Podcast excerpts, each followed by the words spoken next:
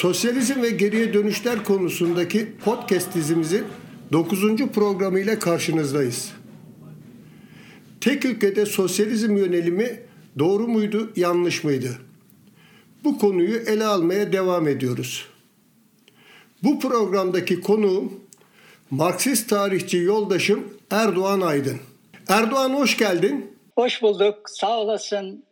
Uzaktan da olsa görüşmek iyi iyi oluyor. Evet böyle bu vesileyle de yıllar sonra bir kere daha yolumuzun kesişmesi benim için de çok sevindirici e, bir e, imkan oldu.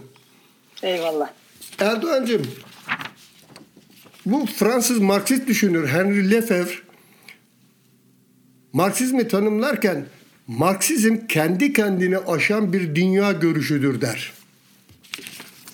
Sosyalizmin ve Marksist hareketin bugün içinde bulunduğu itibar kaybı, etkisizlik hepimizin canını yakan bir gerçeklik.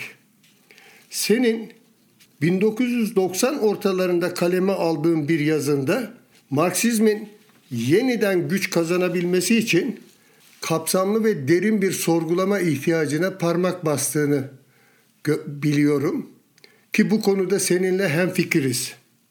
Yalnız bu sorgulamanın kapsamı ve derinliği noktasında bazı farklılıklarımız olabilir. Mesela sen orada devrim sonrası toplumların 1990 başında yaşadığı çöküş bize kazandığımızı sandığımız tüm bu mevzilerin ağırlıkla bir yanılsama olduğunu gösteriyordu. Bu ise proletaryanın devrimci misyonu, emperyalizmin kendini üretebilme yeteneği, sosyalizmin kurulabilirlik koşulları ve ne olup olmadığı sorunu başta olmak üzere teorik ön doğrularımıza ilişkin her şeyin sağlamasını yapacak kapsamda bir sorgulamayı gerektiriyor diyorsun. Bu ucu biraz açık bir sorgulama olmaz mı sence? Özellikle 1989 çöküşü sonrası örneklerine fazlasıyla rastladığımız total reddiye ve vazgeçmelere kapı aralamaz mı? Ee, böyle bir e, risk kesinlikle var. Ee, ben gerek o dönemde e, yazıyı yazarken, gerek şimdi seni dinlerken gerçekten de böyle bir riskin olduğunu teslim ederek başlamak isterim. Ama gerek o günden bugüne e, benim ısrar ettiğim hayat karşısındaki duruşum, gerekse de o yazıya başlama ve bitiriş biçimim e, okuyanların da veya beni farklı zeminlerde farklı konular tartışırken izleyenlerin de teslim edeceği gibi aslında yaşadığımız yenilgiden hareketle acaba e, Marksizmin e, güncelliğini bugünkü somut duruma e, ve bugünkü somut durumun ortaya çıkarttığı sorunlara nasıl adapte ederiz? E, evet. Yöntemine sadık kalmak kaydıyla acaba emperyalizmin e, Lenin'in Emperyalizm kitabında çok net bir şekilde belirtmesine rağmen kendini üretme kapasitesini nasıl gösteririz? E, devrim adına yapılmış e, sosyalizm denemelerinin sonucunda e, gerek o ülkelerde gerek dünyada e, sosyalizme dair sempatinin ciddi anlamda hırpalandı ve kaybedildiği bu durumu nasıl tersine evet. çevirebiliriz gibi aslında o yazıda tek tek irdelediğim ama tam anlamıyla sonuçlarına vardıramadığım e, soruların cevabını e, Marksistçe gerek niyet ve iman anlamda gerek bilimsel ve yöntem anlamda nasıl e, cevabını veririz? E, Kaygısın yazının bütün paragraflarında zaten çok net. Şimdi burada tam da yıkıntının arkasındaki günlerde e, bizim kendimize bence Marksizmin yönteminin de bize sorumlu kıldığı, zorunlu kıldığı bir tarzdan bu soruları sorabilecek cesareti göstermemiz gerektiğini e, şahsen o günde düşünüyordum, bugün de düşünüyorum. Paylaşıyorum. Ama şuydu, şuydu evet. o yazıyı yazarken ki amacım şuydu. Bir, ben bu yazıyı e, evet ucu açık sorular ama farklı geleneklerden, farklı camialardan gelmiş yoldaşlarımla paylaşacağım, tartışacağım ve üzerimize yıkılan bu duvarı el birliğiyle e, yüklenip kaldıracağız. Evet. Dolayısıyla bu iş ne beni ne de sadece Türkiye'de devrimcilerin altından kalkabileceği bir iş olmadığı, gerçekten ciddi bir problemle Yani hı hı. tek bir ülkedeki devrimin yaşadığı sorun veya tek bir özel kriz veya bir dünya savaşı veya değil bunun ötesinde 150 yıldır biriktirdiklerimizin hepsinin çöküşü üzerinden fakat biz aynı zamanda bizim çöküşümüz sonrası dünyanın insanlığa nasıl büyük bir felaket yaşattığını her gün daha derinden gördüğümüz, dünyanın çevresinden e, dünyanın e, yoksuluna, dünyanın proleterinden, dünyanın küçük burjuvasına kadar her şeyi nasıl tahrip ettiğini gördüğümüz için bunu nasıl yükleniriz e, konusunda daha net e, bir çıkış için o soruları sormak lazımdı. Hı hı, Bir de tabii hı. ben kişisel olarak da kişisel hikayem açısından da şunu söyleyeyim. Hı hı. O yazı benim için e, bir yani az önce söylediğim diğer yoldaşlarımla, diğer okumalarımla geliştireceğim ama aynı zamanda benim için de bu soruların mümkünse cevabını vermeye çalışacağım. En azından buna yelteneceğim bir kitap çalışmasının da taslağıydı. Fakat ne yazık ki hem ikincisini hem birincisini istediğim gibi yapamadım. Ee, etkili bir tartışma platformu e, ne benim çevremde yaratabildik ne de daha sonra gerçi dünyada çok kıymetli bazı çalışmalar çıktı ortaya evet. ama fakat hani Marx'ın bize öğrettiği şuydu biz bu işleri birlikte yaparsak artı birlikte yaparken aynı zamanda pratikle de bağlantımız olursa yol açabiliriz. E, bu açıdan baktığımızda doğrusu e, ne ben kişisel olarak ne de e, ulaşabildiğim çevrelerde bu işin yeterince yapılmadığını söylemek lazım. O nedenle hani e, sosyalist şair olan Ahmet Telli'den benim çok sevdiğim bir dizesi var. E, hangi duvar yıkılmaz sorular e, doğru sorulmuşsa diyor.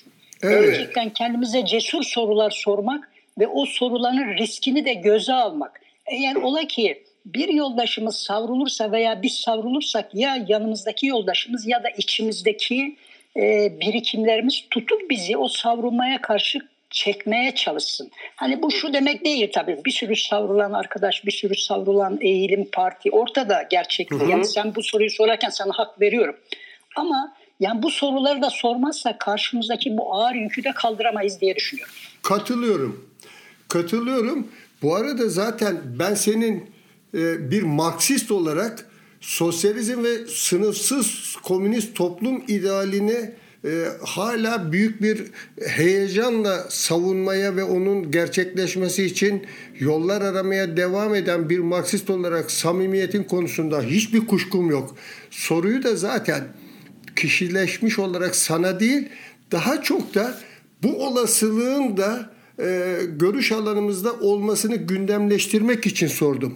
Yoksa ben yazını yani sana e, bir kompliman olarak söylemiyorum. Senin yazın ve buna benzer çalışmaları katılmadığım yönler de olsa ben her şeyden önce düşünceyi kışkırtan, anlamlı ve hepimizin önüne farklı pencereler açan değerli çabalar olarak görüyorum. Yeter ki yeter ki bunun işte sen senin somutunda olduğu gibi samimi sosyalist Marksist duygularla yapılan bir sorgulama olması. Zaten seninle de tartışma isteğini duymamın nedeni bu ve bu program dizisi kapsamında da baştan beri belirttiğim bir şey var. Çok farklı geleneklerden yoldaşlarımla çoğuyla da örtüştüğümüz yanlar var, ayrıştığımız yanlar var, sürdüreceğiz.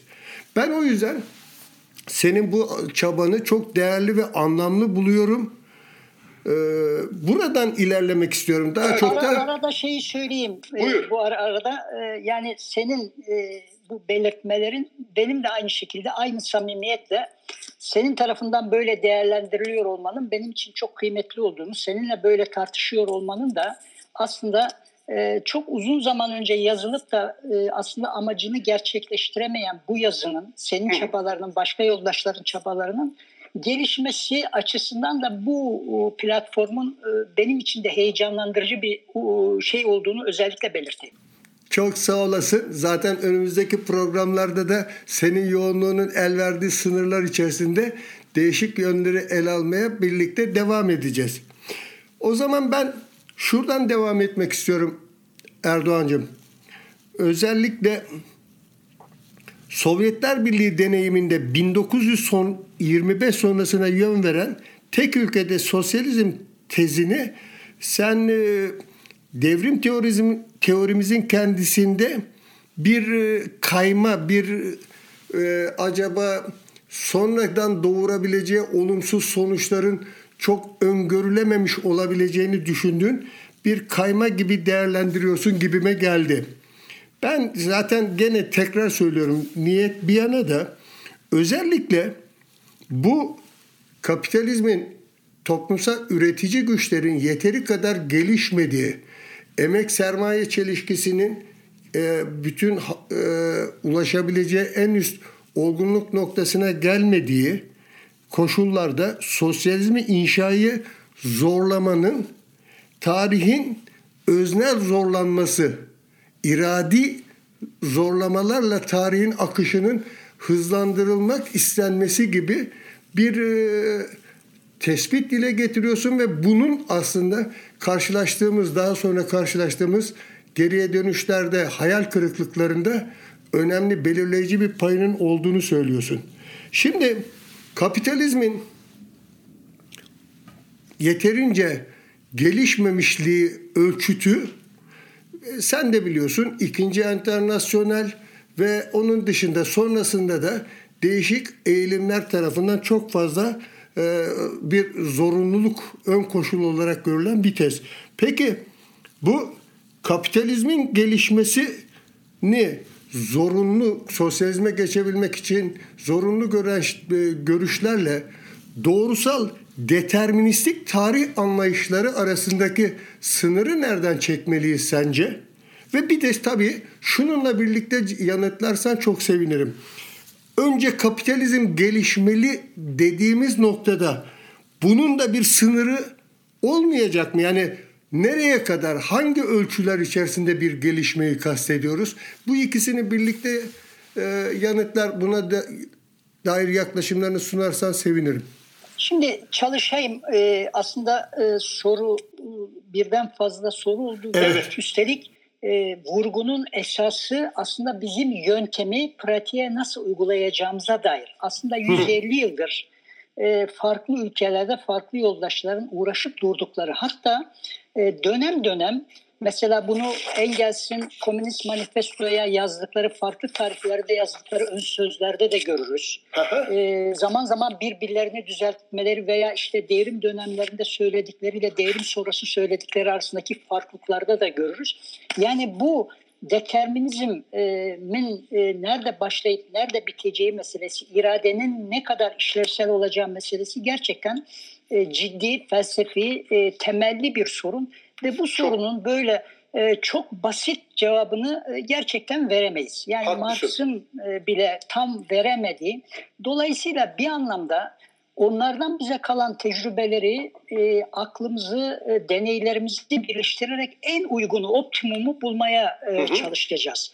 Fakat şu net, yani gerek benim yazımda, gerek hayat karşısındaki duruşumda, yani hepimizin ortak çabası şu, bir, Marksizm bize ütopik sosyalizmlerden farklı olarak maddi koşullara bize parmağını sallar. Der ki maddi koşullardan kopmayın, maddi koşulları, dinamikleri doğru değerlendirin. Aksi hı hı. takdirde ütopik sosyalist olursunuz. Evet. Ee, ve işte kendisi de ben dünyanın ilk sosyalizmi ve sosyalist teorizasyonunu yapmadım. Benden önce çok fazla insan benzer şey yaptı. Şimdi bir bu ama ikincisi Marx'ın kendisi de tarihte zorun rolünü, iradenin önemini, örgütlenmenin ve politik e, çıkış ve inişlerin, müdahalelerin öneminin ne kadar belirleyici olduğunu. Her evet. ne kadar bu konuda Lenin e, çok daha e, ön plana çıkan bir isimse de fakat Marx'ın Engels'in kendisinin de e, bu konuda bizi e, hayatın kendi doğal akışına teslim olmamamız ona en uygun müdahaleleri ve sürekli müdahaleleri yapmamız konusunda bizi uyarır. Dolayısıyla Marksizmin en doğru algılanışı bu ikisi arasındaki dengenin doğru kurulmasıyla ilgilidir. E, fakat bunun ötesinde bu tartışma özgürlüğünde çünkü bu başlı başına bir e, alan, başlı başına ciddi bir alan. Evet. Dolayısıyla şimdilik bu kadarla yetineyim. Ama şunu söyleyeyim, ikinci diğer tamamlayıcı soruların açısından.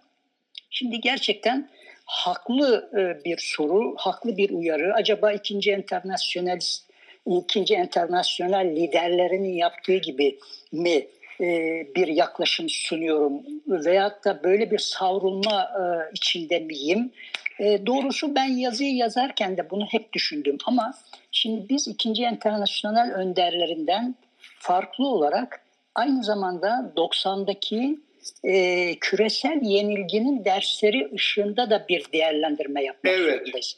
Şimdi burada şu çok açık. Yani kapitalizmin gelişmesinin sınırı yok. Özellikle son 20-30 yılda özellikle teknolojik devrimde gerçekleştirilen atılımlar bu işin sonunun zaten olmayacağını bize gösteriyor. Sorun şu. Zaten tek ülkeyle bağlantılı tartışmanın nedeni de bu. Sorun şu. Eğer bizim devrim yaptığımız ülkede bizden daha gelişkin teknoloji üreten, bizden daha etkin silahlar üreten bir güç varsa hı hı. biz kaçınılmaz olarak onunla rekabet etmek, onun gerisine düşmemek, e, onun emek üretkenliğiyle yarışmak ve aynı zamanda aynı dünyada ve zıt sistemler olduğumuz için onun silah teknolojisini göğüsleyecek bir silah teknolojisine de varmak zorundayız. Bu evet. bu sorunun cevabı e, mesela örneğin Lenin'in veya Marx'ın kafasında e, Lenin'de kısmen vardı ama Marx'ın kafasında yoktu örneğin. Evet. Ama biz bu soruyu bugün işte diyelim ki e, zannediyorum zaten sen de öyle düşünürsün. Hı. Revizyonist olduğu konusunda kuşkumuz olmayan bir Gorbaçov, bir Brejnev'in sorduğu ve bizim de en az onlar kadar ciddiyetle cevap vermemiz gereken sorular bunlar. Evet. Eğer e, Sovyet füzelerini tümüyle etkisizleştiren bir dünya kalkanı kurma teknolojisini ABD geliştirdiyse evet. ondan sonra Sovyetler Birliği'nin güvenlik meselesi bir önceki yıldaki kadar güvende kalamaz. Yani hı hı. bu tip soruları arttırabiliriz. Veya da eğer birim maliyet e, veya birim zaman üzerinden e, örneğin Amerika'daki teknoloji eğer Sovyetler teknolojisini çok fazla açmışsa kaçınılmaz olarak burada bir sorun ve bu sorunun giderek her alana yansıması durumu olacak. Dolayısıyla buradaki sorunumuz şu. Evet. Yani Marx'a geri dönecek olursak Marx'ın kafasında, Marx'ın bir sürü eserinde çok net görürüz. Marx'ın kafasında sosyalizm bir, kapitalizm sonrası bir düzendir. Evet. İki, kapitalizmin gelişme düzeyi artık hangi gelişme düzeyi ise şimdi Fransa'nın o zamanki haliyle bugünkü hali arasında korkunç bir fark Tabii var. Ama Marx için o andaki hal yeterlidir. Neden? Çünkü dünyanın en gelişkin ülkelerinde o ülkelerin ulaşmış olduğu sanayi birikimi işçilerin doğrudan yöneteceği ve kolektivist bir şekilde el koyacakları ve halkın çıkarına kullanacakları yeni bir dönüşüm sosyalizmdir. Üç, bunu şunla da tamamlıyor. Diyorlar ki hem de birden fazla yerde birden fazla yerde diyorlar ki e, kesinlikle bunun tek ülkede olmaması lazım. Şimdi evet. bizim Lenin'de 1915'te yazıp tek ülkede sosyalizme dair e, bir tek vurgusunda şunu yakalayabiliyoruz. Lenin de Marx gibi diyor ki e, birden fazla ülkeyle ve ileri ülkelerle olur ama özel koşullarda tek ülkede de olabilir. Ama yine kastettiği kapitalist ülkedir. Ve evet. hemen arkasından belirtir ki nasıl olsa bir müddet sonra diğer ülkelerde de devrim gelecektir. O halde hı hı. aslında buradaki sorunumuz kapitalizmin ne kadar geliştiği meselesi değil.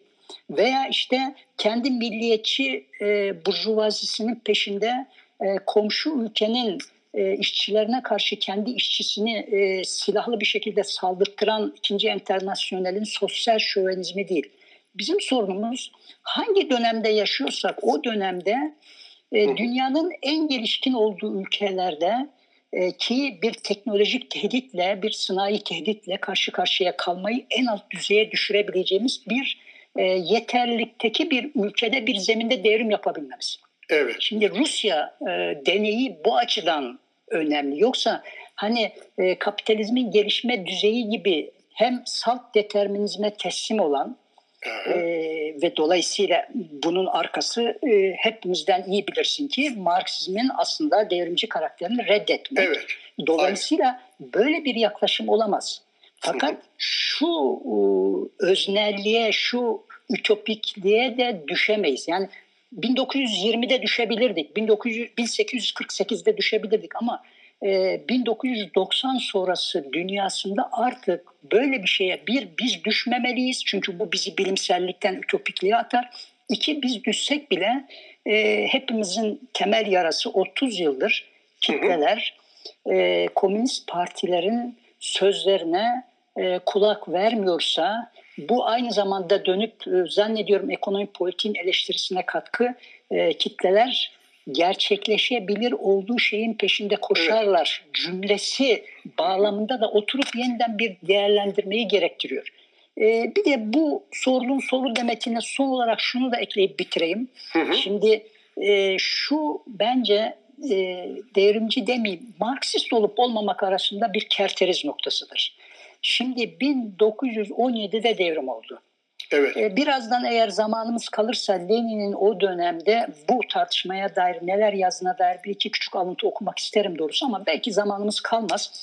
Şunu söyleyeyim 1917'de devrim oldu ve Lenin hatta Leninizmin e, temellerinin birinci baskısında Stalin'de hı hı. E, diğer devrimciler de hepsi sürekli batıdan devrim beklediler. Hatta Aynen. biliyorsun Polonya meselesinde zorladılar da. Ve, ve yenildiler. Ve yenildiler. Ayaklanmalar oldu. Macaristan'dan Sovyet Cumhuriyeti kuruldu. Almanya'da devrim evet. neredeyse olmuştu. İtalya'da, Finlandiya'da kalkışmalar oldu. Evet. Fakat bir müddet sonra 1921'e doğru geldiğimizde iki önemli veri çıktı karşımıza. Bir, Sovyetler, Sovyet Rusya iç savaşta karşı derbicileri ezdi. Hı hı. Ama kendi dışındaki bütün ülkeler Polonya sınırının ötesi kendisini kuşatmış vaziyetteydi. Aynen. Şimdi bu çok ağır bir durum. Şimdi bu durumda hani ister kendimizi onların yerine koyalım, isterse de bugünden hatta bunun için Marksist olmak gerekmez. Vicdanlı bir tarih yazıcısı mesela e, Edward Carr böyle bir adamdır. Evet. E, dönüp o dönemi değerlendirdiğinde ki niye Troçki e, partiden tecrit oldu, niye Stalin kazandı sorusunun cevabı. Çünkü e, o dönemde e, bir hata, bırak hata olmasını tam tersine toplumu ta ki öbür taraftan, öbür ülkelerden devrim olana kadar ayakta tutmak, ayakta tutarken güçlenmek, güçlenirken sanayiyi ve tarımı organize etmek e, ve bunları yaparken de olabildiğince sosyalist bir iradenin iktidarı elinden kaptırmamasını sağlayacak önlemler almak. Evet. Şimdi dolayısıyla hani Sovyetlerde niye devam edildiği meselesini bir hata bağlamında tartışmak kadar hem bilim dışı hem insafsız bir yaklaşım olamaz. Onlar yapmaları gerekeni yaptılar. Fakat fakat ortada çok ciddi bir handikap vardı. Hı hı. Bu handikap e, bence birazdan e, artık sen nasıl uygun görürsen bu handikapı tartışmazsak, bu handikapın nedenlerini çözümlemezsek biz gerek geçmişe doğru değerlendirmeyiz, gerek geleceğe dair öncü, kucaklayıcı bir teorik vizyon da geliştiremeyiz diye düşünüyorum. Yoksa şu konu kafamda çok net. E, yani ortada e, devrimi inşa etmek, sürdürmek konusundaki davranışta işte en çok Stalin'in ismiyle özdeşleşmiştir. Evet. Ortada bir hata yoktur. Yapılması gereken yapılmıştır. Yapılması gereken için de bir motivasyon gerekiyordu. Hatta çubuğu biraz bükmek lazımdı. Yani sanki bu iş evet. e, kesinlikle olur. Hiç tartışma götürecek öyle bir moral verilmezse çünkü toplumu ayağa kaldıramazsın. Sürekli oturup da tek ülkede olmaz tartışması yaparak toplumu ki hani toplum dediğimiz herhangi bir örgütsel çevre, herhangi bir sekt falan değil. Koskoca evet. bir ülke, üstelik kuşatılmış bir ülke. Milyonlarca Milyonlar, insanları motive evet. etmek. Dolayısıyla bunlara moral vermek. Ama 2000, 1990 e, sonrası biz kalkıp da dönüp Stalin'in bu olumlu veya o dönem e, işte Komünist Parti kadrolarının bu olumlu tercihini e, olumlarken fakat bunu bir teori haline getirmek, bunun sanki zaten mümkünmüş haline getirmek gibi bir hataya da e, düşmeye yol veremeyiz. O dönemde bunu kısmen yaptılar. Stalin yaptı örneğin ama en azından 1990 sonrası hatta 1953'te hemen e, Stalin'i e, ciddi anlamda sorgulayan Khrushchev'in geldiği andan itibaren bile demek ki aslında bir şeyler e, daha önce söylenen ve yazılan gibi değilmiş sorusunu dünyanın diğer tüm komünistlerinin sorması ve buna uygun akıl yürütmeleri gerekirdi diye düşünüyorum. Anladım.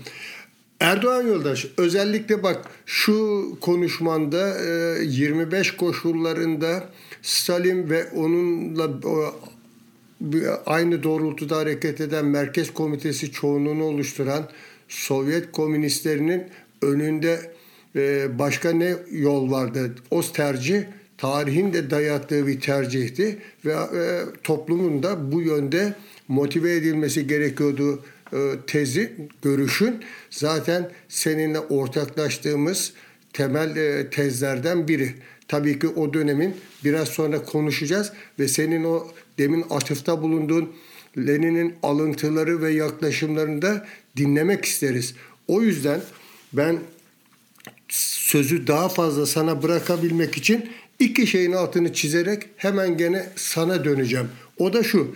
Birincisi ben senin zaten e, yazında da ve genel olarak hayat karşısındaki duruşunu da e, bildiğim için senin zaten e, iradeyi reddeden bir şey yaklaşım içerisinde olmadığını, bunun Marksizmle örtüşmeyeceğini, yani her şey bir yana e, Feuerbach üzerine tezlerin 11. tezini özümsemiş bir Marksistin böyle bir e, şeyi kendiliğindencilik teorisi üretmeyeceğini biliyorum. Senin de zaten bu şeyde olmadığını biliyorum. Sen de o yazında da aslında dikkati çektiğim bir şey var. Devrimci irade gerçeklerden, tarihsel, somut tarihsel gerçeklikten kopmak anlamına gelmez. O ayakları havada bir e, devrimcilik anlamına gelmez. Nasıl ki tarihsel somut gerçekliği hesaba katma zorunluluğu o gerçekliğe tarihin akışına müdahale ederek amaçlarımız doğrultusunda etkileme iradi çabasını reddetmek anlamına gelmediği gibi. Çünkü sen de e, yazında küçük e, vakit kazanmak açısından kısa bir bölümünü aktaracağım. Şöyle bir e, cümle kuruyorsun doğru olarak. Gerçekliğin bu saptanışı yani iradenin aşırı irade yüklenmenin yarattığı zorlamalar ve onun karşımıza çıkarttığı olumsuz sendromlardan hareket ettikten sonra sözünü şöyle bağlıyorsun. Gerçekliğin bu saptanışı elbette ki sosyalist iradeciliğin önemini azaltmıyor. Ancak sürecin dersleri ışığında artık belirginleştirilmeli ki nesnellikle örtüştürülmesi de zorunlu. Kastettiğim bu iradenin nesnellikle örtüştürülmesi ki biraz önce konuşmanda da bunu bence e, açtın, şey yaptın.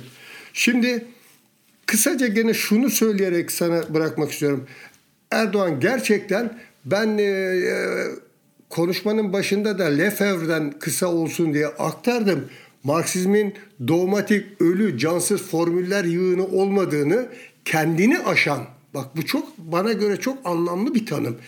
Kendini aşan bir, kendini aşan, kendini yenileyen bir e, teori, dünya görüşü olduğu vurgusu çok önemli. Çünkü biz Marksistler özellikle 50'lerden sonra bu özelliği kaybettik. En büyük, dünyanın en büyük dogmatikleri haline geldik. Düşüncemiz dondu. Hayatı kalıplara sığdırmaya kalktık. Biz gerçeklikle ilişkimizi kaybettik. Ondan bu hallerdeyiz zaten. Yani toplum bizim sözümüze artık ciddiye almıyor. Sesimize kulak vermiyor. Neden? Çünkü biz hayatı e, devrimci yöntemle teorimizin ışığında yorumlamak yerine karşımızdaki gerçekliği kafamızdaki kalıplara uydurmaya çalışan saçma sapan bir e, fanus devrimciliğiyle çıkıyoruz karşılarına da onun için. Şimdi Aynen, mesela bu, bu, bu yöntem de Marksizmden kopmak. Marksizmi, Marksizmi bir kenara bırakmak. Aynen. Lafızlarda ondan faydalanmak ama yöntemi konusunda, özünde ondan aslında kopmak. Aynen katılıyorum. Bu Marksist gibi görünen anti-Marksizmin. Hani Marx bu, bu devirde yaşasaydı bu dönemin bizler gibi yani bu dönemin Marksistlerini görseydi herhalde o ünlü sözünü ben Marksist değilim sözünü bir kere daha tekrarlardı. Veya sopasını alıp peşimize koşardı. Aynen keşke kafamızı kırsaydı gelseydi kafamızı kırsa biraz aklımızı başımıza getirse. Erdoğan ben e, sözü uzatmamak için tekrar sana bırakmak istiyorum. Özellikle bu 25 koşullarında tarihsel bir zorunluluk olarak karşımıza çıkan bir gerçeklik var ve orada senin de bildiğin gibi Zinoviev Kamenev ikilisinin temsil ettiği bir yönelim var. Aslında e, devlet kapitalizmi, sanayileşmeyi esas alan bir devlet kapitalizmi. Benim yorumum o yönde. Bir tarafta Buharin, Radek, Sokolnikov üçlüsünün temsil ettikleri bir görüş var. Onlar da gene iktidarı elde tutmak koşuluyla tarımın e, tarıma öncelik ve ağırlık vermeyi hatta kulakların bile e, özgürlük içerisinde faaliyetlerini yürütebilecekleri bir tarım ekonomisi eksenli yaklaşım içindeler. Troçki ise onlardan farklı olarak beklemek, işte iktidarı elimizde tutacağız ama birileri yardımımıza gelmezse de Avrupa devrimi yardımımıza gelmese de biz kaybetmeye yazgılıyız şeklinde. Bana göre baştan ellerini biraz havaya kaldıran, biraz değil bayağı havaya kaldıran bir yaklaşım. Şimdi bunlar bir yana sen demin bir atıfta da bulundun. Değer, Marksist bir tarihçi olarak o Lenin'in e, yaklaşımları konusunda da bizi aydınlatacak şekilde e, o dönemi ve sonrasına dair söyleyeceklerini bizimle paylaşır mısın? Şimdi e, şunu belirteyim. Belki bu konuda biraz farklı düşünüyor olabiliriz ama hani e, e, saydığın isimler ve e, ismini saymadığın kadar e, çok fakat tasfiyeye uğramış dönemin kah e, Bolşevik Parti'nin merkez komite üyesi, kah işte e, Petersburg Sovyet Başkanı, Moskova Sovyet Başkanı, önceki dönem, sonraki dönem e, hayatları hep mücadelelerle geçmiş. E, bu insanları ben bugün şöyle görmekten yanayım. E, 1930'larda örneğin Bolşevik Parti tarihinde hani bir dönem hepimizin hani el kitabıydı. Hı hı. E, benim en azından öyleydi yani. E, oradaki kullanılan kavramlar üzerinden değerlendirirsek bence e, sorgulamalarımıza bir kelepçe koyarız. Ben doğrusu şöyle düşünüyorum. E, evet, Troçki e, çok ciddi hatalar yapmıştır. Evet. E, evet, Zinoviev, Kamanev farklı dönemlerde, farklı karakterde çok ciddi hatalar yapmıştır. Buharin yapmıştır ama bir, Stalin de yapmıştır. Evet. İki, bu insanların bütününün ortak paydası, bu isimleri sayılan ve sayılmayan bu insanların ortak paydası aslında Bolşevik Partisi'nin ortak hafızasıydı. Ben evet. dönem dönem dönüp örneğin vasiyetine, Lenin'in vasiyetine o mektupla belirttiği ismini saydığı bazı yoldaşlarını değerlendirirken ve ismini saymadığı insanlardan hareketle bizim kolektif bir hafızaya ihtiyacımız var. Dediği yaklaşıma bugün ihtiyacımız olduğunu eğer buradan bakarsak Hı-hı. kesinlikle o dönemdeki farklılıkları da daha soğukkanlı değerlendiririz diye düşünüyorum. Anladım. Şimdi bunu e, yani, yani farklı bir gözle okumak açısından da gerekir bu. Ee, üç aşağı beş yukarı katılıyorum saptamalarına ama Buhari'nin 1929 NEP'in tasfiyesi konusunda hı hı. işte Tomsky ile Kirol, Rikov'la birlikte ki yaklaşımlarının ben e, senin aktardığından daha e, döneme uygun olduğunu düşünüyorum. Şöyle e, o NEP tasfiyesinde o kadar ciddi e, insan tasfiyesi gerçekleştirildi ki ve aynı şekilde o NEP tasfiyesi sırasında rejime karşı o kadar kitlesel hayvan kırımı, evet, evet, evet. o kadar ciddi bir direniş oldu ki ve bunun arkasından o kadar ciddi bir yabancılaşma dönemi yaşandı ki hı hı. ben dönüp materyalist bir bakış açısından acaba aslında Buhari'nin dediği gibi koşullar henüz daha e, NEP'in köklü bir şekilde tasfiyesini değil ama iktidarı elden bırakmamak koşuluyla hı hı. E, sabotaj yapanlarla sınırlı bir tasfiyeyle yetinip ama işçi köylü iktidarı üzerinden e, bir e, yolculuğa bir dönem daha devam etmek, köylüleri ikna ederek, köylüleri bu rejimde ve kolektivizasyonla aslında hem e, yaşam kalitelerinin hem e, üretim e, ve beslenme kalitelerinin e, çok daha yükseleceği konusunda ikna etmek için daha bir süreç daha yaşanması gerekirdi diye düşünüyorum. Anladım. Eğer o kadar o kadar ciddi kitlesel kırım ve direniş olmamış olsaydı e, belki de evet Buharin demek ki kulakların temsilcisi. Ama Buharin e, çok kısa bir zaman öncesine kadar e, Stalin'le yan yana duran, Troçki, Zinoviev karşısında ortak tutumlar takınan, işte Lenin'in e, işte e, Marksist teorinin en parlak kişilerinden bir tanesi her ne kadar skolastik yanları da var. Evet, o da var.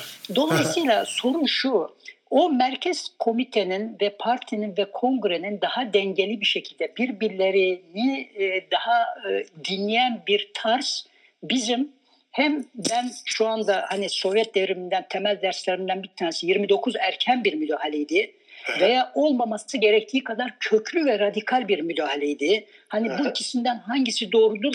Hani net cevap veremem ama ikisinden bir tanesi konusunda netim ve dolayısıyla böyle bakınca örneğin Buhari'nin önceki dönem biliyorsun bir dönem e, solun solu çizgi izlediği evet, dönem. Evet, evet, evet. 29'da ben Buhari'nin yaklaşımının aslında Sovyet devriminin hani başta konuştuk ya nesnellikle evet. uyumlu gitmek lazım. İradeyle nesnellik birbirinden koparsa ne olur? Sovyet devriminin köylü geniş köylü kitlelerin nezdinde ciddi bir yabancılaşması yaşanır. Evet. Biz bir de e, nesnel Sovyet tarihlerinden şunu çok net biliyoruz. E, bütün topraklar kolektifleştirildi ama buna karşı bütün toprakları ekecek makine yoktu. Dolayısıyla aslında kendi küçük tarlasında çok daha can siperhane üretim yapan köylüyü büyük kolektif çiftliklere yönlendirdiler ama makine olmadığından dolayı verim de düştü ve birkaç yıl ciddi verim düşüklükleri yaşandı. Ama evet. bizim için daha önemlisi köylünün iktidardan yabancılaşmasıydı hı hı. E, diye düşünüyorum. Şimdi dolayısıyla hani bu dönemi biraz daha farklı değerlendirmeye ihtiyacımız var ama bu başlı başına bir konu tabii. Katılıyorum yani, da. E, diye hı. düşünüyorum. Şimdi e, Lenin'in Erdoğan Erdoğan Bak işte, kusura bakma o soruyu ben sordum. Senin senden o, onu alalım. Hatta programı uzun da tutarız. Ama şu söylediğin noktada şu ana kadarki şeyde birkaç böyle e, alt çizmeme izin verirsen. Birincisi şu konuda senle hem fikrim. Parti içerisinde çoğu tasfiye edilmiş ya da güçlerini eski güçlerini prestijlerini kaybetmiş partinin geçmişte e, devrime hizmet etmiş önderlerinin 36 ve 38 yargılamalarıyla kurşuna dizilmeleri, şey yapılmaları bence de savunulacak bir şey değil. Yani onlarla ideolojik mücadele yürütürsün. Onların suç teşkil eden davranışları varsa teşhir edersin, enterne edersin ama Hayır zaten ya hiçbir etkileri kalmamış. Ama unutma yani bunu seninle ileriki bir şeyde e, tartışmak istiyorum ama Oralarda özellikle Yegoda'nın ve parti bürokrasisinin, aparatçiklerin Stalin yoldaşın bütün çabalarına rağmen e, şey yaptıkları o gaddarlık politikasını izledikleri gerçeğini özellikle sen bir tarihçi olarak biliyorsun. Bu şeyin e, Grover Für'ün e, kitapları tarihçi Amerikalı tarihçi Für'ün kitaplarıyla yine diğer yandan Yukov şimdi adını hatırlayamadım da genç bir Sovyet tarihçisinin 2005 sonrası ortaya çıkan belgeler temelinde e, farklı bakış açısı getirdiklerini biliyorum. Bak demin senin andığın Lenin'e atfedilen vasiyet son mektup konusunda da Kotkin'le Yemal, Yemal Nikov, Yemelyanov'un araştırmaları onun bir e, Kurupskaya ile Lenin'in kız kardeşinin bir tezgah olduğunu o açığa çıkarıyor. Bunları konuşacağım seninle ilerleyen şeylerde. Şunda da seninle hem fikrim. Zaten onu Stalin ve Parti Merkez Komitesi de başarı sarhoşluğu makalesiyle şey yapıyor, kabul ediyor. Kolektifleştirme hareketi sırasında gerçekten akıl almaz bir aşırılık e, uygulanıyor. 800 bin köylü tutuklanıyor, sürgüne gönderiliyor, işlerinden on binlercesi kurşuna diziliyor. Ama daha sonra o, o bakın aşırılığın ölçüsü şu, şuradan çıkıyor. 400 bini affediliyor, yeniden köylerine dönüyorlar. Bu korkunç bir şey ya. 10 kişi, 5 kişi değil yani. E, kitlesel bir e, aşırılık var ve dediğin gibi bir yabancılaşma insanların fikirlerini ifade etme konusunda korku da dahil bir dizi sonuç doğuracak bir şey. 36 ve 38 yargılamaları, tasfiyeleri bunun üzerine tüy dikiyor. Yani toplum artık nefes almaktan korkmaya şey yapan bir yan var. Asıl şuna ben sonradan e, konuşma imkanı bulursak bu programdan sonraki programlarda. Şimdi bu kolektifleştirme hareketinde ben senin e, vurguladığın şıklardan ikincisini benimsiyorum yoldaş. Şöyle ki o kolektifleştirme zorunluydu. Ama bunun ölçüsü, ritmi demin dediğim aşırılıklardan arındırılmış daha akılcı bir planlamayla ve daha kontrolü sıkı tutulan bir pratik olarak yürümesi gerekiyordu. Çünkü sanayileşme konusunda batıyla olan o sıralarda Hitlerciliğin hızlı bir biçimde silahlanmaya yöneldiği Almanya ve diğerleriyle olan açığın kapatılması gerekiyordu. Sanayileşme biliyorsun kapitalizmin doğum yıllarında da kaynak sorunudur ve kaynak genellikle köylü kır, kırdan elde edilir. Kapitalizm de böyle kendini geliştirdi. Ve şimdi eğer 30'lu yıllarda 27 28'de 29 5 yıllık planından itibaren böyle bir yönelime girilmeseydi örneğin biz Hitlerciler karşısında insanlığa hediye ettiğimiz o müthiş tarihsel zaferi kazanamazdık. Hatta sanayileşmede ve özellikle de yeni silah sistemleri üretmekte geç kaldığımız için faşistler Moskova'nın kapılarına kadar geldiler. Bence bir de işin bu boyutu olduğunu düşünüyorum ama tekrar e, sana sözü bırakmak istiyorum. Bu yönleriyle de bir irdelenmesi gereken realite var. Fakat şunları asla tabii ki yapamayız. Tarihsel zorunluluklar, koşullar e, bahanesinin arkasına sık, saklanarak açıkça sosyalizmin amacına da ruhuna da insani karakterine de uymayan hiçbir uygulamayı da savunmak hele hele bugünün sosyalizm anlayışına bunları taşımakta ısrarlı olmak akıl alacak bir tutum değil. Bunu bilinmesini istediğim için böyle bir araya geniş parantez açtım. Kusura bakma. Yine sen de. Yok hayır. E, aksine iyi yaptın. E, fakat ben e, bu konuda biraz farklı düşünüyorum. Birincisi evet.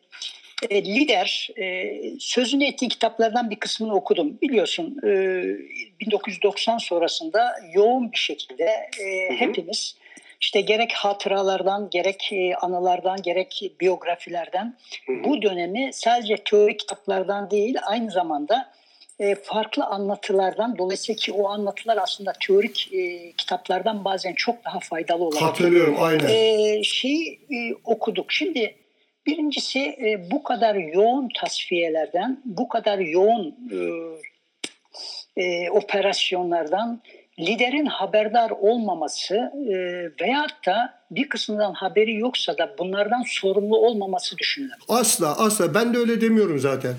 Bir de şu var.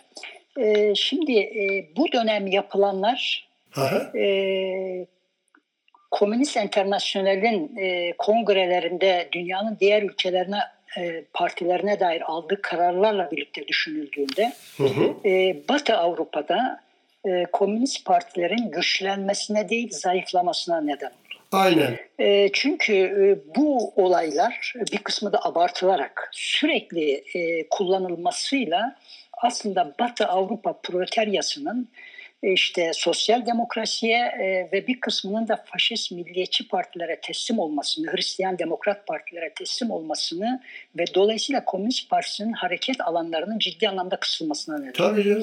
E, bir diğer mesele 29'da başladı tasfiye. Oysa Almanya'da Nazilerin iktidar olması 1934. Hı hı. Şimdi dolayısıyla bu açıdan da baktığımızda da dış politika açısından da erken bir müdahaleydi.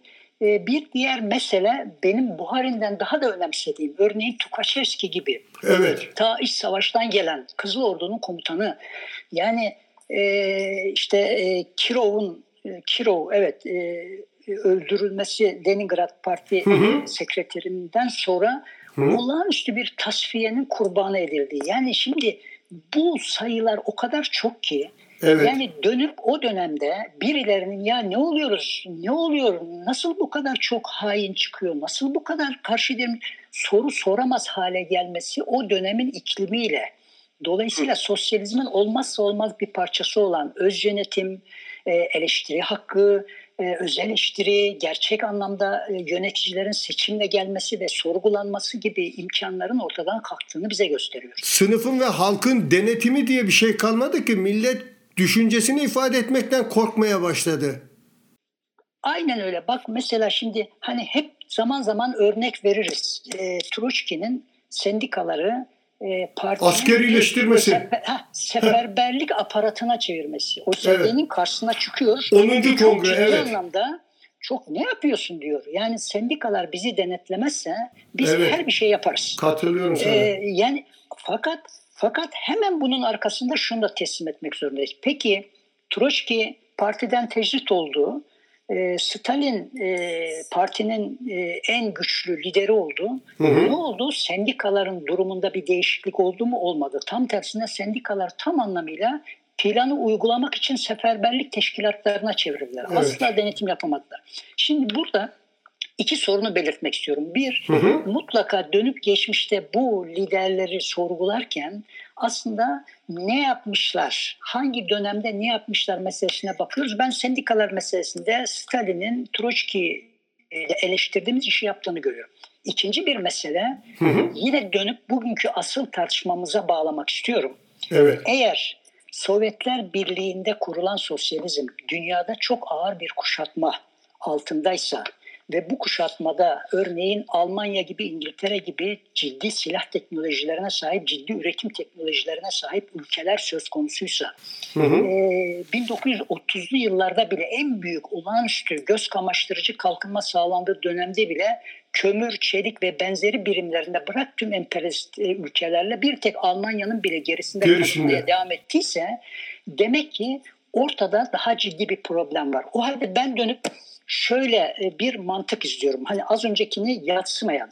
Hı Bir taraftan sendikaları, işçileri, Sovyetleri gerçek anlamda sosyalizme uygun kullanmamanın yarattığı bir yabancılaşma var ama tek ülkeye kaldığınız zaman mecburen güvenlik politikası izlemeye, mecburen evet. istihbarat izlemeye, mecburen e, acaba bu ne oldu, bu ajan mı, bu bilmem ne mi gerilimine girmeye başlıyorsunuz ve tek ülkede olunca sosyalizmi sosyalistçe kuramıyorsunuz. Dolayısıyla Anladım. tek ülkede kaldığınızda kaçılmaz olarak devlet bir güvenlik devleti aman iktidar elimizden kaçmasın. İktidar elimizden kaçırsa kapitalizm geri gelir. Hı hı. Sosyalizm kaçar. Biz bu kadar uğraştık falan. Hele şu 5 yıl daha geçsin, bir 10 yıl daha geçsin nasıl olsa düzelecek ama o 5 yıllar 10 yıllar geçti. Savaş geldi, daha beteri geldi falan filan. Dolayısıyla hani buradan da geriye dönüp eğer Sovyetler Birliği'nde bu kadar radikal bir sekterizm söz konusu olduysa hı hı. gerek parti içinde gerek parti ile diğer kurumlar ve toplum arasında olduysa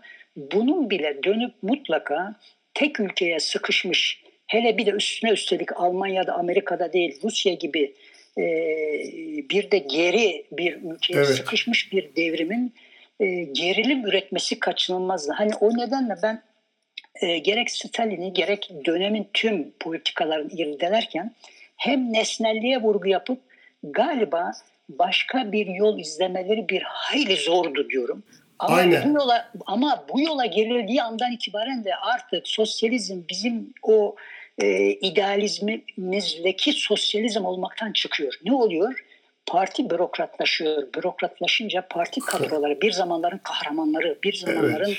gözünü ölümden sakınmayan, her türlü deneyden e, evet. aslanlar gibi çıkan e, falan insanları bir müddet sonra bürokratlaşıyorlar. Ailelerle birlikte kendi ayrıcalık elde ediyorlar. O ayrıcalıklarını ve e, karar verme yetkilerini asla sıradan işçiyle, köylüyle paylaşmıyorlar. Hı hı. Veya kendi parti içindeki yoldaşıyla bir sorun çıktığında onu ya acaba o doğru olur mu diye e, düşünmek yerine sen kimin ajanısın, sen işte kulakların temsilcisisin, sen işte bilmem nesin falan diye yaklaşımla giderek bu durum maalesef evet. bir bürokratlaşmayı, iki yabancılaşmayı üç sosyalizmin de işte reel sosyalizm diyoruz ama aslında o hakiki sosyalizm olmadığı anlamında bence de, bence olmasını de. getiriyor.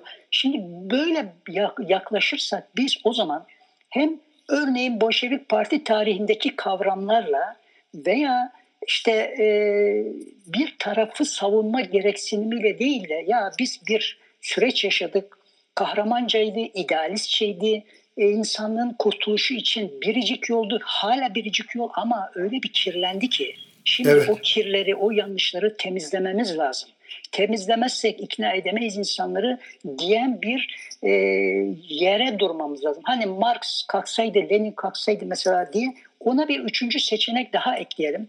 Şimdi Marx evet. bize derdi ki ya benim zamanımda işte Avrupa'da devrim denemeleri oldu ama onun ötesi olmadı. Ola ola bir Paris Komünü oldu veya Lenin diyecekti ki ya ben zaten hani 24'te e, e, dünyayı terk ettim. O zamana kadar da zaten başımızı kaşıyamadık. İç savaş, savaş Hı-hı. komünizmi, e, mecburen köylülüğe taviz vermek falan mecburduk. Fakat Hı. siz bu kadar büyük bir deneyin üzerine yani benim kadar bilgi sahibi olmanız bile gerekmez. Sadece bu deneyi Marksist yöntemle okumanız halinde aslında bütün bu süreçte çok ciddi yanlışlar yaptığımızı ama Assula'nın yani Assula'nın e, bu kısmı çok önemsiyorum Selim. Evet. Yani bir sürü yanlış yapıldı ama Assula'nın yanlıştan öte nesnel koşullar olduğunu. Aynen. Çünkü hani e, bak ben Stalin'i eleştiriyorum ama salt Stalin üzerinden işte Stalinizm söylemi üzerinden anlayamayacağımız nesnel koşullar itibariyle sorunları olan bir süreçten geçtik. Evet. Öyle bakarsak e, o zaman onarıcı bir e, yeniden e, güncelleme yapabiliriz. Böyle yapmazsak Hani 1990'da e, birden işte Troçkist arkadaşlar birdenbire başladılar işte biz demiştik işte biz haklı çıktık. Hayır siz haklı çıkmadınız. Aynen. Aslında yani aslında bir dönem üstümüze düştü. Ee, eğer hata sıralaması yapacak olursak da hani sizin hata sıralamanız hani sayılabilir bunlar. Evet. Ee, herhalde o dönemin diğer e, hiziplerinden fazlaydı yani. Bir, Aynen. Çok açık. Katılıyorum. Yani yani böyle bir değerlendirme ama hani bunu yaptıktan sonra da e, dediğim gibi Bolşevik Parti tarihindeki gibi Troçki ajandır. Yok Veyahut yok yok. Troçki'nin öldürülmesi doğruydu. Ya büyük yok bir ya böyle bir şey. Ben yani, bu, yani buna buna savrulacak bir açılıma düşmemek lazım. Bence bu bir açılım değil. Bence bu bir açılım değil. Yani kusura bakma sözünü kestim. Kesinlikle bence bu bir açılım değil. Bu tam tersine tarihin senin de e, değişik e, ifadelerle dile getirdiğin gibi en olumsuz hatta yüzümüz kızararak ancak yüzümüz kızararak e, açıklamaya çalışacağımız yanlışlarına sahiplenmektir ki bu kafayla gidersek o tarihsel dönemde sadece sanayide değil, sadece tarımda değil, insanın insanlaşması sanatta, kültürde, müzikte her konuda 30'lu yıllarda geri bir Çarlık Rusyası gibi bir köylü toplumda yapılan atılımların, o başarıların da aslında üstüne e, limon suyu sıkmış oluruz. Onları da değersizleştirmiş oluruz. Yani e, biz sosyalizme falan sahip çıkmış olmayız. Bu arada sen çok vurgu yaptığın için çok özel bir has şey değil ama altını çizmek istiyorum. SBKP tarihi gibi resmi tarihleri reddetme. Tarih oralardan değil. O resmi bir tarihtir. Yani Troçki'nin Troçki'nin Lenin'le birlikte olan fotoğraflarını Merkez Komitesi'nin iç savaş dönemindeki e, fotoğraflarından Troçki'nin silinmesiyle anlatılan bir tarih tarih değildir. Böyle bir şey olmaz. Bu resmi tarihten kopmak senin mesela işaret ettiğin hem resmi belgeleri okuyacağız, kendimizi yenileyeceğiz. Bana göre o romanlar ya da dönemden çıkışını alan ve gerçekten e, şeyin gibi e, Solzhenitsyn gibi özel amaçla kaleme alınmamış samimiyetle, dürüstlükle kaleme alınmış örneğin Yaşam ve Yazgı. Örneğin Benediktov'un anıları. Bu adam Kuruşçev'in döneminde de tarım komiserliğine devam ediyor. Bana göre o tür daha tarihi kafamızda ete kemiğe büründürecek anıların da çok önemli bir beslenme kaynağı olduğu düşüncesindeyim. Erdoğan son bir şey Evet bak çok güzel çok hatta senle bu keyifli bir şey olduğu için bilinçli olarak açtık da ama bu Sen zaten söz verdin. Bir daha bir araya geleceğiz. Bir daha şey yapacağız. Çünkü bak bu dizinin, bu podcast dizisinin temel çıkış noktası ve varmak istediği amaç şu. Sen konuşmanda da altını çizdin. Biz tarih eğrisiyle doğrusuyla, hatalarıyla, yanlışlarıyla hatta suçlarıyla ama insanlığa hediye ettiğimiz olağanüstü başarılarla önlerine açtığımız perspektiflerle de bir toplam olarak bizim tarihimiz. Bu tarih bizim tarihimiz. Şimdi bu tarihe sahiplenmek demek onu çeriyle çöpüyle bağrımıza basmak değil. O zaman kazanımlarımızı da değersizleştiriyoruz. İkinci olarak da sosyalizm bugün hala prestij olarak yerlerde sürünüyorsa işte bizim bu kafasız tutumlarımızın da çok belirleyici bir payı var. Çünkü sokaktaki insan sosyalizm dediğin zaman bizim kazandığımız başarıları değil işte bizim ideallerimizle çelişen o idealleri sakatlayan, zedeleyen e, olumsuzluklar geliyor aklına. Özellikle de o 89'larda e, tanık olunan sahneler geliyor aklarına. Şimdi biz bu insanlara bunların nereden kaynaklandığını, hangi tarihsel koşullarda nelerin basıncıyla bu hatalara, tek yanlılıklara, öngörüsüzlüklere ve savrulmalara düşüldüğünü ikna edici bir biçimde anlatamazsak yaşasın sosyalizm diye günde 500 kere defterimize yazalım. Biz hiçbir anlamı yok. Hiç kimse üzerinde de etkisi yok. Çünkü hani bu lafından hareketle şunu söyleyeyim. Bizim için sorun şu. Yaşasın sosyalizm dediğimizde bizimle birlikte her gün 5 kişi, 10 kişi, 100 kişi eğer heyecanlanıyorsa evet. budur işte. O zaman bir anlamı var. Ama yok heyecanlanmıyor. Aksine e, dünün mücadele kadınları ve erkekleri de her gün biraz daha azalıyorlarsa ve üstelik hı hı. bu sadece Türkiye'de değil dünyanın her yerinde demek ki çok ciddi bir problemle karşı karşıyayız. O halde hani kendimize ciddi sorular sormalıyız ve şu riski göze almalıyız. Yani e, yani acaba bu sorunun arkasında bir yere savrulur muyuz? O zaman ben savrulursam yoldaşım beni elimden tutuyor. Aynen. Eğer evet. ben savrulursam benim yüreğimin diğer tarafı Marksist tarafı tutsun beni sarsalasın desin. Ne oluyor? Yani böyle böyle yapabiliriz. Kolektif şey. akıl bunu evet, bunun kolektif için gerekiyor bize. Kesinlikle. Erdoğan çok sağ ol. Çok güzel, çok keyif keyifli bir sohbet oldu. Ama bir kere de dinleyicilerin önünde Evet. Kontratı imza. ne kadar diyorum ana ana konumuza e, çok giremediysek de. Bence ana konu. iş bu evet. asıl bence evet, yaşayan sosyalizmi, doğru, doğru. yaşatmak doğru. istediğimiz sosyalizmi doğru. konuşacağız. Zaten doğru. artık kaçamazsın önümüzdeki programlarda senin yoğunluklarının izin verdiği sınırlarda tekrar bir araya geleceğiz yoldaş. Çok Tabii, teşekkür ederim katkın evet, için. Çok sağ ol. Sağ olasın, iyi akşamlar ve e, iyi çalışmalar diliyorum sağ sana. Sağ olasın. Sağ olasın. Sağ olasın.